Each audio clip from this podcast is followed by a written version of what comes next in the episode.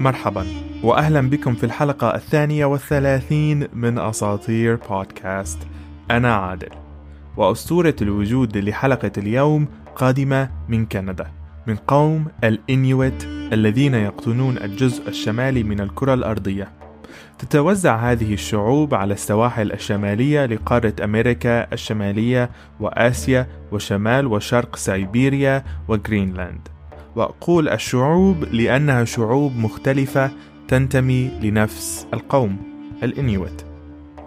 حياة وعادات هذه الشعوب كانت منسجمة مع الطبيعة وحتى نظامهم الغذائي هو متقن لتوفير كل ما يحتاجون إليه من فيتامينات ومعادن. الحمية الغذائية للإنيويت تعتمد على مكان سكنهم ولكن الأغلبية تتضمن لحم ودهون الحيتان والفقمات والغزلان وحتى الدببة وفي الربيع والصيف التوت البري بأنواعه. هذه الحمية وفرت لأجسادهم مثلا فيتامين د علما أن تعرضهم للشمس قليل في الفصول الباردة. ففي بعض المناطق خلال فصل الشتاء لا تشرق الشمس إطلاقا. كنا قد تحدثنا عن أساطير شعب الإنيويت في الحلقة الحادية عشر سيدنا آلهة البحر زوجة الطائر حبيبة الكلب وأم الأسماك.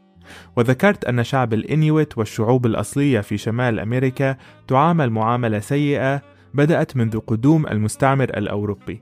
فأولا نشر الأوروبيين الأمراض واحتلوا الأراضي وحدوا من قدرة هذه الشعوب على الصيد ولكن لم يكن هذا الشيء الوحيد الذي أثر على غذائهم. فأيضا أثر عليهم العصر الجليدي بالماضي ويؤثر عليهم الاحتباس الحراري الآن. فالثلوج لا تدوم كما كانت والطقوس تتقلب ودرجات الحرارة القصوى تدوم أكثر من اللازم. السنة الماضية نزلت الحرارة تحت الثلاثين المئوية تحت الصفر لمدة زادت عن ثلاث أسابيع متتالية. وعادة ما تأتي هذه الدرجات على شمال كندا في دفعات. أقول هذا لكي أذكر أن أثر التقلب المناخي والاحتباس الحراري هو كبير إن كان على المدن العامرة التي تحصل على تغطية إعلامية كبيرة أو إن كان على سكان الضيع الصغيرة في الشمال. أكل دهون ولحوم الحيتان واستخدام جلودها هو ليس شيء من الماضي فقط. سكان ألاسكا وشمال كندا يستخدمون التيك توك لمشاركة حياتهم ويومياتهم وطعامهم. اكتبوا بلبر B L U B B E R وشاهدوا الشعوب تجهز وتأكل اللحم الزهري الذي يبدو شهيا علما أنه نيء مثل السوشي. أظن سكان كندا يسمون طبقهم مطق. أقوم بذكر هذه المعلومات لأنه جزء من تقدير هذه الشعوب وشكرها على مشاركة هذه القصص معنا هي التعلم عنهم. وحتى لو كانت هذه المعلومات قليلة وبسيطة لكنها مهمة. عنوان حلقة اليوم هو الغراب الأسود وقرون البازلاء.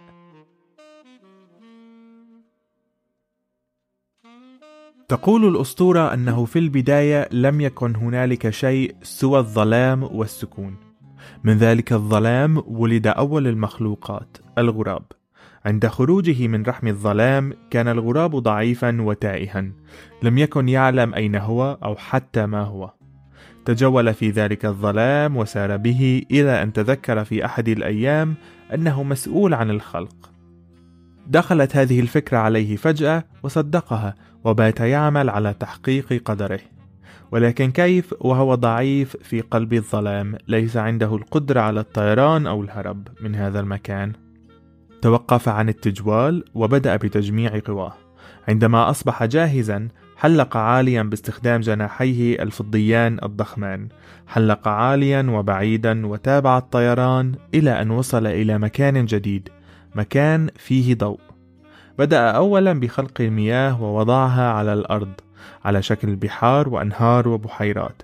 ومن ثم الجبال وبعدها بدأ بنشر النباتات في كل مكان. ولكنه ركز على البازلاء زرع البازلاء في كل مكان. في أسطورة أخرى ذكر أنه بعد أن انتهى الغراب من إيجاد الأرض ومعالمها بدأت الحيوانات بالاستقرار عليها وكان للغراب صديقة البومة. كانت تلك البومة فضية وبيضاء. في أحد الأيام كان الصديقان يلعبان لعبة العظام في أحد بيوت الجليد. كانت البومة بارعة جدا في هذه اللعبة. كانت تشكل الأشكال وترتب العظام بأشكال غريبة بسرعة شديدة تارة على شكل منزل وتارة على شكل فقمة وتارة على شكل قارب. حاول الغراب اللعب ولكنه علم أنه على وشك الخسارة فاقترح لعبة جديدة. ذهب إلى عند بيت الحطب وجمع الرماد وأحضر الزيت وخلط الرماد مع الزيت إلى أن شكل لونا قابلا للدهن. التفت على صديقته البومة وقال لها لنلون بعضنا البعض بدلا من لعبة العظام. وافقت البومة ثم وقفت أمام الغراب الفضي. أمسك الغراب إحدى ريشه وغمسها بسطل الرماد فخرجت الريشة سوداء لامعة. وقف أمام البومة وبدأ بتلوينها فأعطاها خطا أسودا تحت عيناها. ومن ثم رفع جناحها الأيمن ورقط الريش القابع تحته ومن ثم رفع جناحها الأيسر ورقط المنطقة المماثلة ومن ثم التف إلى خلف البومة وبدأ بترقيط الريش الذي كان على ظهرها ومن ثم رسم الخطوط على ذيلها ومن ثم انحنى أمامها وغطى ريش قدماها باللون الأسود بالكامل. أخذ وقتا طويلا وعناية فائقة بكل التفاصيل. عندما انتهى فردت البومة جناحاها وأعجبت كثيرا بما رأت. فرحت فرحا شديدا فأحضرت حذاء طويل الرقبة وأعطته للغراب شاكرة له على عمله. والآن حان دورها لكي تقوم بتلوين الغراب الفضي. ولكن أراد الغراب أولا أن يرتدي حذاءه الجديد. وضع الحذاء على قدميه ووقف أمام البومة. غمزت البومة الريشة في سطل الرماد وبدأت بالعمل. أرادت أن ترقط صدر الغراب ولكن للأسف انتهى بها الأمر برسم الخطوط على صدره. فالغراب لم يكن قادرا على الوقوف ساكنا. كان فرحا جدا بحذائه الجديد. فكان يتأرجح يمنة ويسرى ويرفع قدماه لكي يرى الحذاء باستمرار. فرغ صبر البومة وطلبت منه مجددا بصرامة أن يقف ساكنا. ولكن كان الغراب فخورا بنفسه ولم يستمع لها. بعد نقاش وجدال غضبت البومة وصرخت على الغراب فحملت سطل الرماد ورمته بأكمله على الغراب وخرجت من بيت الجليد. علق السطل على رأس الغراب مما سمح للزيت الأسود أن يلطخ جسد الغراب بالكامل ويحول ريشه من فضي مشرق إلى أسود لامع. عندما أزال الغراب السطل من على رأسه دهش للون ريشه الجديد. لم يكن غاضبا ولكنه لم يكن فرحا. ومع الوقت تأقلم مع وضعه الحالي ومن يومها بات الغراب أسود.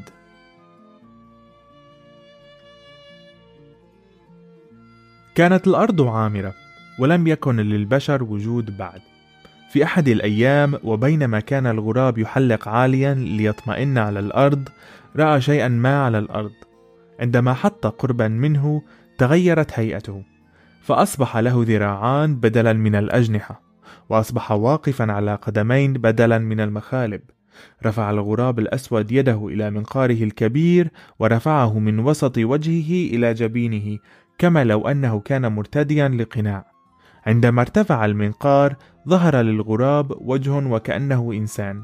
اقترب الغراب من هذا الكائن بهدوء. وكان الكائن جالس تحت شجيرة البازلاء تحت قرن بازلاء مفتوح وكان يشرب الماء من بركة صغيرة عند جذور النبتة. هذا الكائن كان أول إنسان على أرض الغراب الواسعة. عندما لاحظ الإنسان الأول أن الغراب يراقبه توقف عن شرب الماء ورفع نظره إليه. كان خائفا بعض الشيء فهذه كانت الدقائق الأولى له في هذه الحياة علما أنه كان مكتمل النمو. تابع النظر إلى الغراب والغراب أيضا بادله النظرات ذاتها. لم يتكلم أحد منهما. بعد صمت وجيز قال الغراب من أنت؟ ومن أين أتيت؟ فرد الإنسان لقد خرجت من هذا. وأشار إلى قرن البازلاء المفتوح. دهش الغراب ولم يكن يعلم أن البازلاء قادرة على إنتاج مخلوقات أخرى عندما قام بزراعتها في الأرض في بداية الكون. عندما تخطى دهشته شعر بفرح وفخر، لأنه أخيرا سيكون على هذه الأرض مخلوقات قادرة على أن تعمرها. سأل الغراب الإنسان: هل أكلت؟ فرد الإنسان: عندما خرجت من النبتة كنت مضطربا، ولكن عندما شربت الماء من هذه البركة شعرت بالراحة، لكني لم أكل أي شيء بعد. دهش الغراب مما سمع وطلب من الإنسان أن يبقى في مكانه حتى يعود. وعلى عجلة رفع يده إلى منقاره الذي كان أقرب إلى جبينه الآن وأنزله إلى وسط وجهه مجددا كما لو أنه قناع ومع نزول المنقار تغيرت هيئة الغراب من بشري إلى غراب عادت يداه لجناحان وعادت أقدامه لمخالب وغطى جسده الريش الأسود. وعلى الفور ارتقى في السماء ورفع نفسه عاليا في السماء المظلمة. حاول الإنسان تتبع الغراب لكنه لم يكن قادرا على ذلك. فسواد ريش الغراب جعله يبدو وكأنه غيمة سوداء في السماء. انتظر الإنسان ليوم ويومان وثلاثة وأربعة حتى عاد الغراب. عندما عاد الغراب حط بجانب الإنسان ومد جناحه إلى منقاره ورفعه فعاد يبدو بشريا. في يديه كانت أربعة حبات من التوت البري اثنان من توت ال heath أو النبش واثنان من توت العليق الوردي أو ال raspberry. ملاحظة عن توت ال heath أو النبش أنه بحسب ويكيبيديا فإنه مشهور في جنوب المملكة العربية السعودية واليمن. قال الغراب له خذ هذه الحبات وكلها لقد زرعت لك هذه الأشجار في كل أنحاء الأرض لكي تقتات منها. أخذ الإنسان التوت من يدي الغراب والتهمها بسرعة. وعندما لاحظ الغراب أن هذا المخلوق مختلف حيث أن التوت لم يكن كافيا لكي يسد رمقه فكر مليا بالذي يتوجب عليه أن يقوم به. عاد الغراب إلى هيئته الأصلية وحلق عاليا فوق الجبال. إلى أن وصل إلى بحيرة على سفح أحد الجبال وهناك نزل عندها وعلى الفور بدأ بالعمل. أخذ حفنات متعددة من الطين الذي كان على شاطئ البحيرة وبدأ بتشكيله. عمل وعمل وعاد إلى الشاطئ لكي يحصل على المزيد من الطين عدة مرات وبالنهاية شكل تمثالان لخروفان جبليان. عندما انتهى أخذ عدة خطوات إلى الوراء ثم رفرف بجناحيه فوقهما ومسح بريشه المبارك عليهما. وعلى الفور دبت الحياة في عروقهما وبدأت قلوبهما بالخفقان. عندما رأوا الغراب العظيم ذو الريش الأسود فوقهما ارتعبا وهربا نحو الجبل على الفور. فرح الغراب لما رأى وصنع المزيد والمزيد من النعاج. عندما عاد عند الإنسان أخبره أن النعاج تعيش في الجبال بعيدا عنه كي لا يأكلها كلها دفعة واحدة.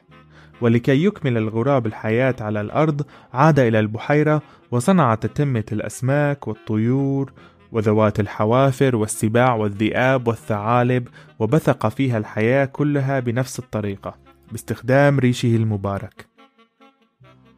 عند الانتهاء من خلق أي حيوان كان يأخذه لمكان بعيد عن الإنسان كي لا ينال منه بنهمه فأخذ الأسماك ووضعها في الأنهار والبحار وأخذ الطيور وعلمها الطيران ثم وضعها في السماء وعلى أعالي الجبال والأشجار. جمع ذوات الحوافر ونشرها في كل بقاع الأرض ثم وضع السباع على الجبال والذئاب في الغابات والثعالب في السهول. ومع كل مخلوق كان الغراب يحضر الإنسان ليعلمه عن هذا الحيوان ومسؤولياته.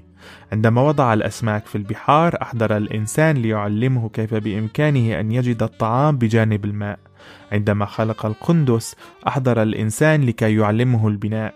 عندما خلق الغزلان أخبر الإنسان عن جلودها وكيف بإمكانه أن يستخدمها لكي يقي نفسه من البرد القارس. ومع الوقت وجد من حوله المزيد والمزيد من البشر تخرج من قرون البازلاء.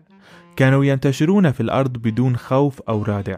كانوا يأكلون وينامون ويسرحون حيث أن أول البشر في البداية الكون كانوا يخرجوا من قرون الفاصولياء مكتملين النمو. أراد الغراب أن يعلم البشر الخوف فخطرت على باله فكرة. ذهب إلى كهف نائي مع كمية من الطين وهب بالعمل. عمل لفترة طويلة وعندما انتهى ومسح ريشه المبارك فوق ما صنع وجد أمامه مخلوق عظيم بالحجم والقوة. مغطى بالفرو وله فكان ضخمان مليئان بالأنياب وكانت عيناه في أعلى رأسه الكبير لكي يرى كل ما حوله. كانت أقدامه ذات مخالب طويلة وحادة.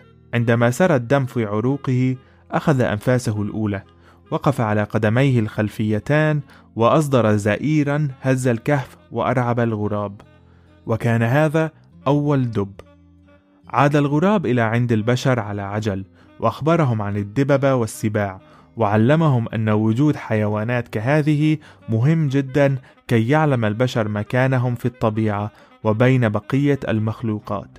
مع الوقت بدأ البشر بالتكاثر وعندها تابع الغراب قيادة البشر وتعليمهم الحكمة ومساعدتهم وأبنائهم على البقاء والتطور. يوجد نسخة أخرى من هذه الأسطورة، وعلى الأغلب هذه النسخة دونت بعد وصول المستعمر الأوروبي إلى القارة بسبب الإلهام الإبراهيمي عليها. في هذه النسخة أولا يتم التحدث عن الغراب وكأنه أب أو الأب الأعظم، علما أن ديانة شعوب الإنيويت لا تمتلك إلها مركزيا كغيرها من الديانات. تقول هذه الأسطورة أن الغراب بعد أن علم الإنسان طريقة الصيد والزراعة والبناء أحس أن الإنسان لم يكن سعيدا كان الإنسان حزينا ووحيدا ولم يكن الغراب يعلم لماذا إلى أن خطرت على باله فكرة حلق عاليا وذهب إلى زاوية مهجورة من زوايا الأرض. أخذ حفنة من الطين وهب بالعمل. شكل مجسما على هيئة الإنسان الأول الرجل الذي خرج من قرن البازلاء. بعد أن انتهى من العمل مسح بريشه المبارك على التمثال فدبت فيه الحياة. لمعت العينان واحمرت الشفاه وتحركت الأصابع ولعبت الرياح بالشعر. صنع الغراب المرأة الأولى. أخذها الغراب وعاد بها إلى عند الرجل الأول وعرفهما على بعضهما وقال له هذه هي المرأة إنها مساعدتك وشريكتك. شعر الرجل بالسعادة وفي حياتهما مع بعضهما البعض ملأ الأرض بالبشر والأصوات المختلفة.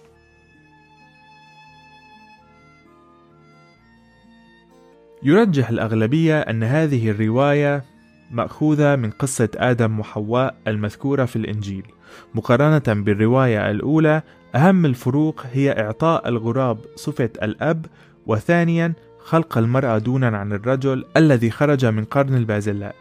أكرر ذكر قرن البازلاء لأنها كلمتي المفضلة لهذه الحلقة. في الرواية الأولى خرجت النساء كما الرجال من النبتة ذاتها وتعلموا من الغراب كل شيء. وكانوا غير متميزين عن بعضهم البعض. شعوب الإنيويت معروفة بإعطاء النساء قدر مساوي من القوة سياسيا واجتماعيا للرجل. وتغير كل شيء مع وصول المستعمر إلى القارة. الإنيويت ينظرون إلى الزواج كضرورة للبقاء بسبب الظروف المعيشية الصعبة جدا. في تجميع الطعام كان الصيد مسؤولية الرجل وتجميع النباتات كالتوت وأنواع أخرى من الطعام كالبيض مسؤولية المرأة. وعندما يحضر الرجل الصيد سواء كان حوتا أم غزالا كانت مسؤولية المرأة الدينية هي تجهيز اللحوم والجلود. وأذكر أن المسؤولية هنا دينية وليس اجتماعية لأن اعتقاد شعب الإنيويت هو أنه إن أقيمت كل الشرائع بطريقة صحيحة ستعود روح الحيوان وتولد من جديد على هيئة حيوان جديد أو إنسان جديد لأن الروح بالنسبة لهم هو أمر متساوي. كلنا نمتلك الروح وكل الأرواح متساوية أما إن لم تتبع الشعائر الصحيحة فسيتم عودة روح الحيوان كشيطان شرير أو لن تقوم الآلهة بتوفير الصيد مرة أخرى. وإلى هنا انتهت الأسطورة. أتمنى أن تكون حلقة اليوم قد نالت إعجابكم.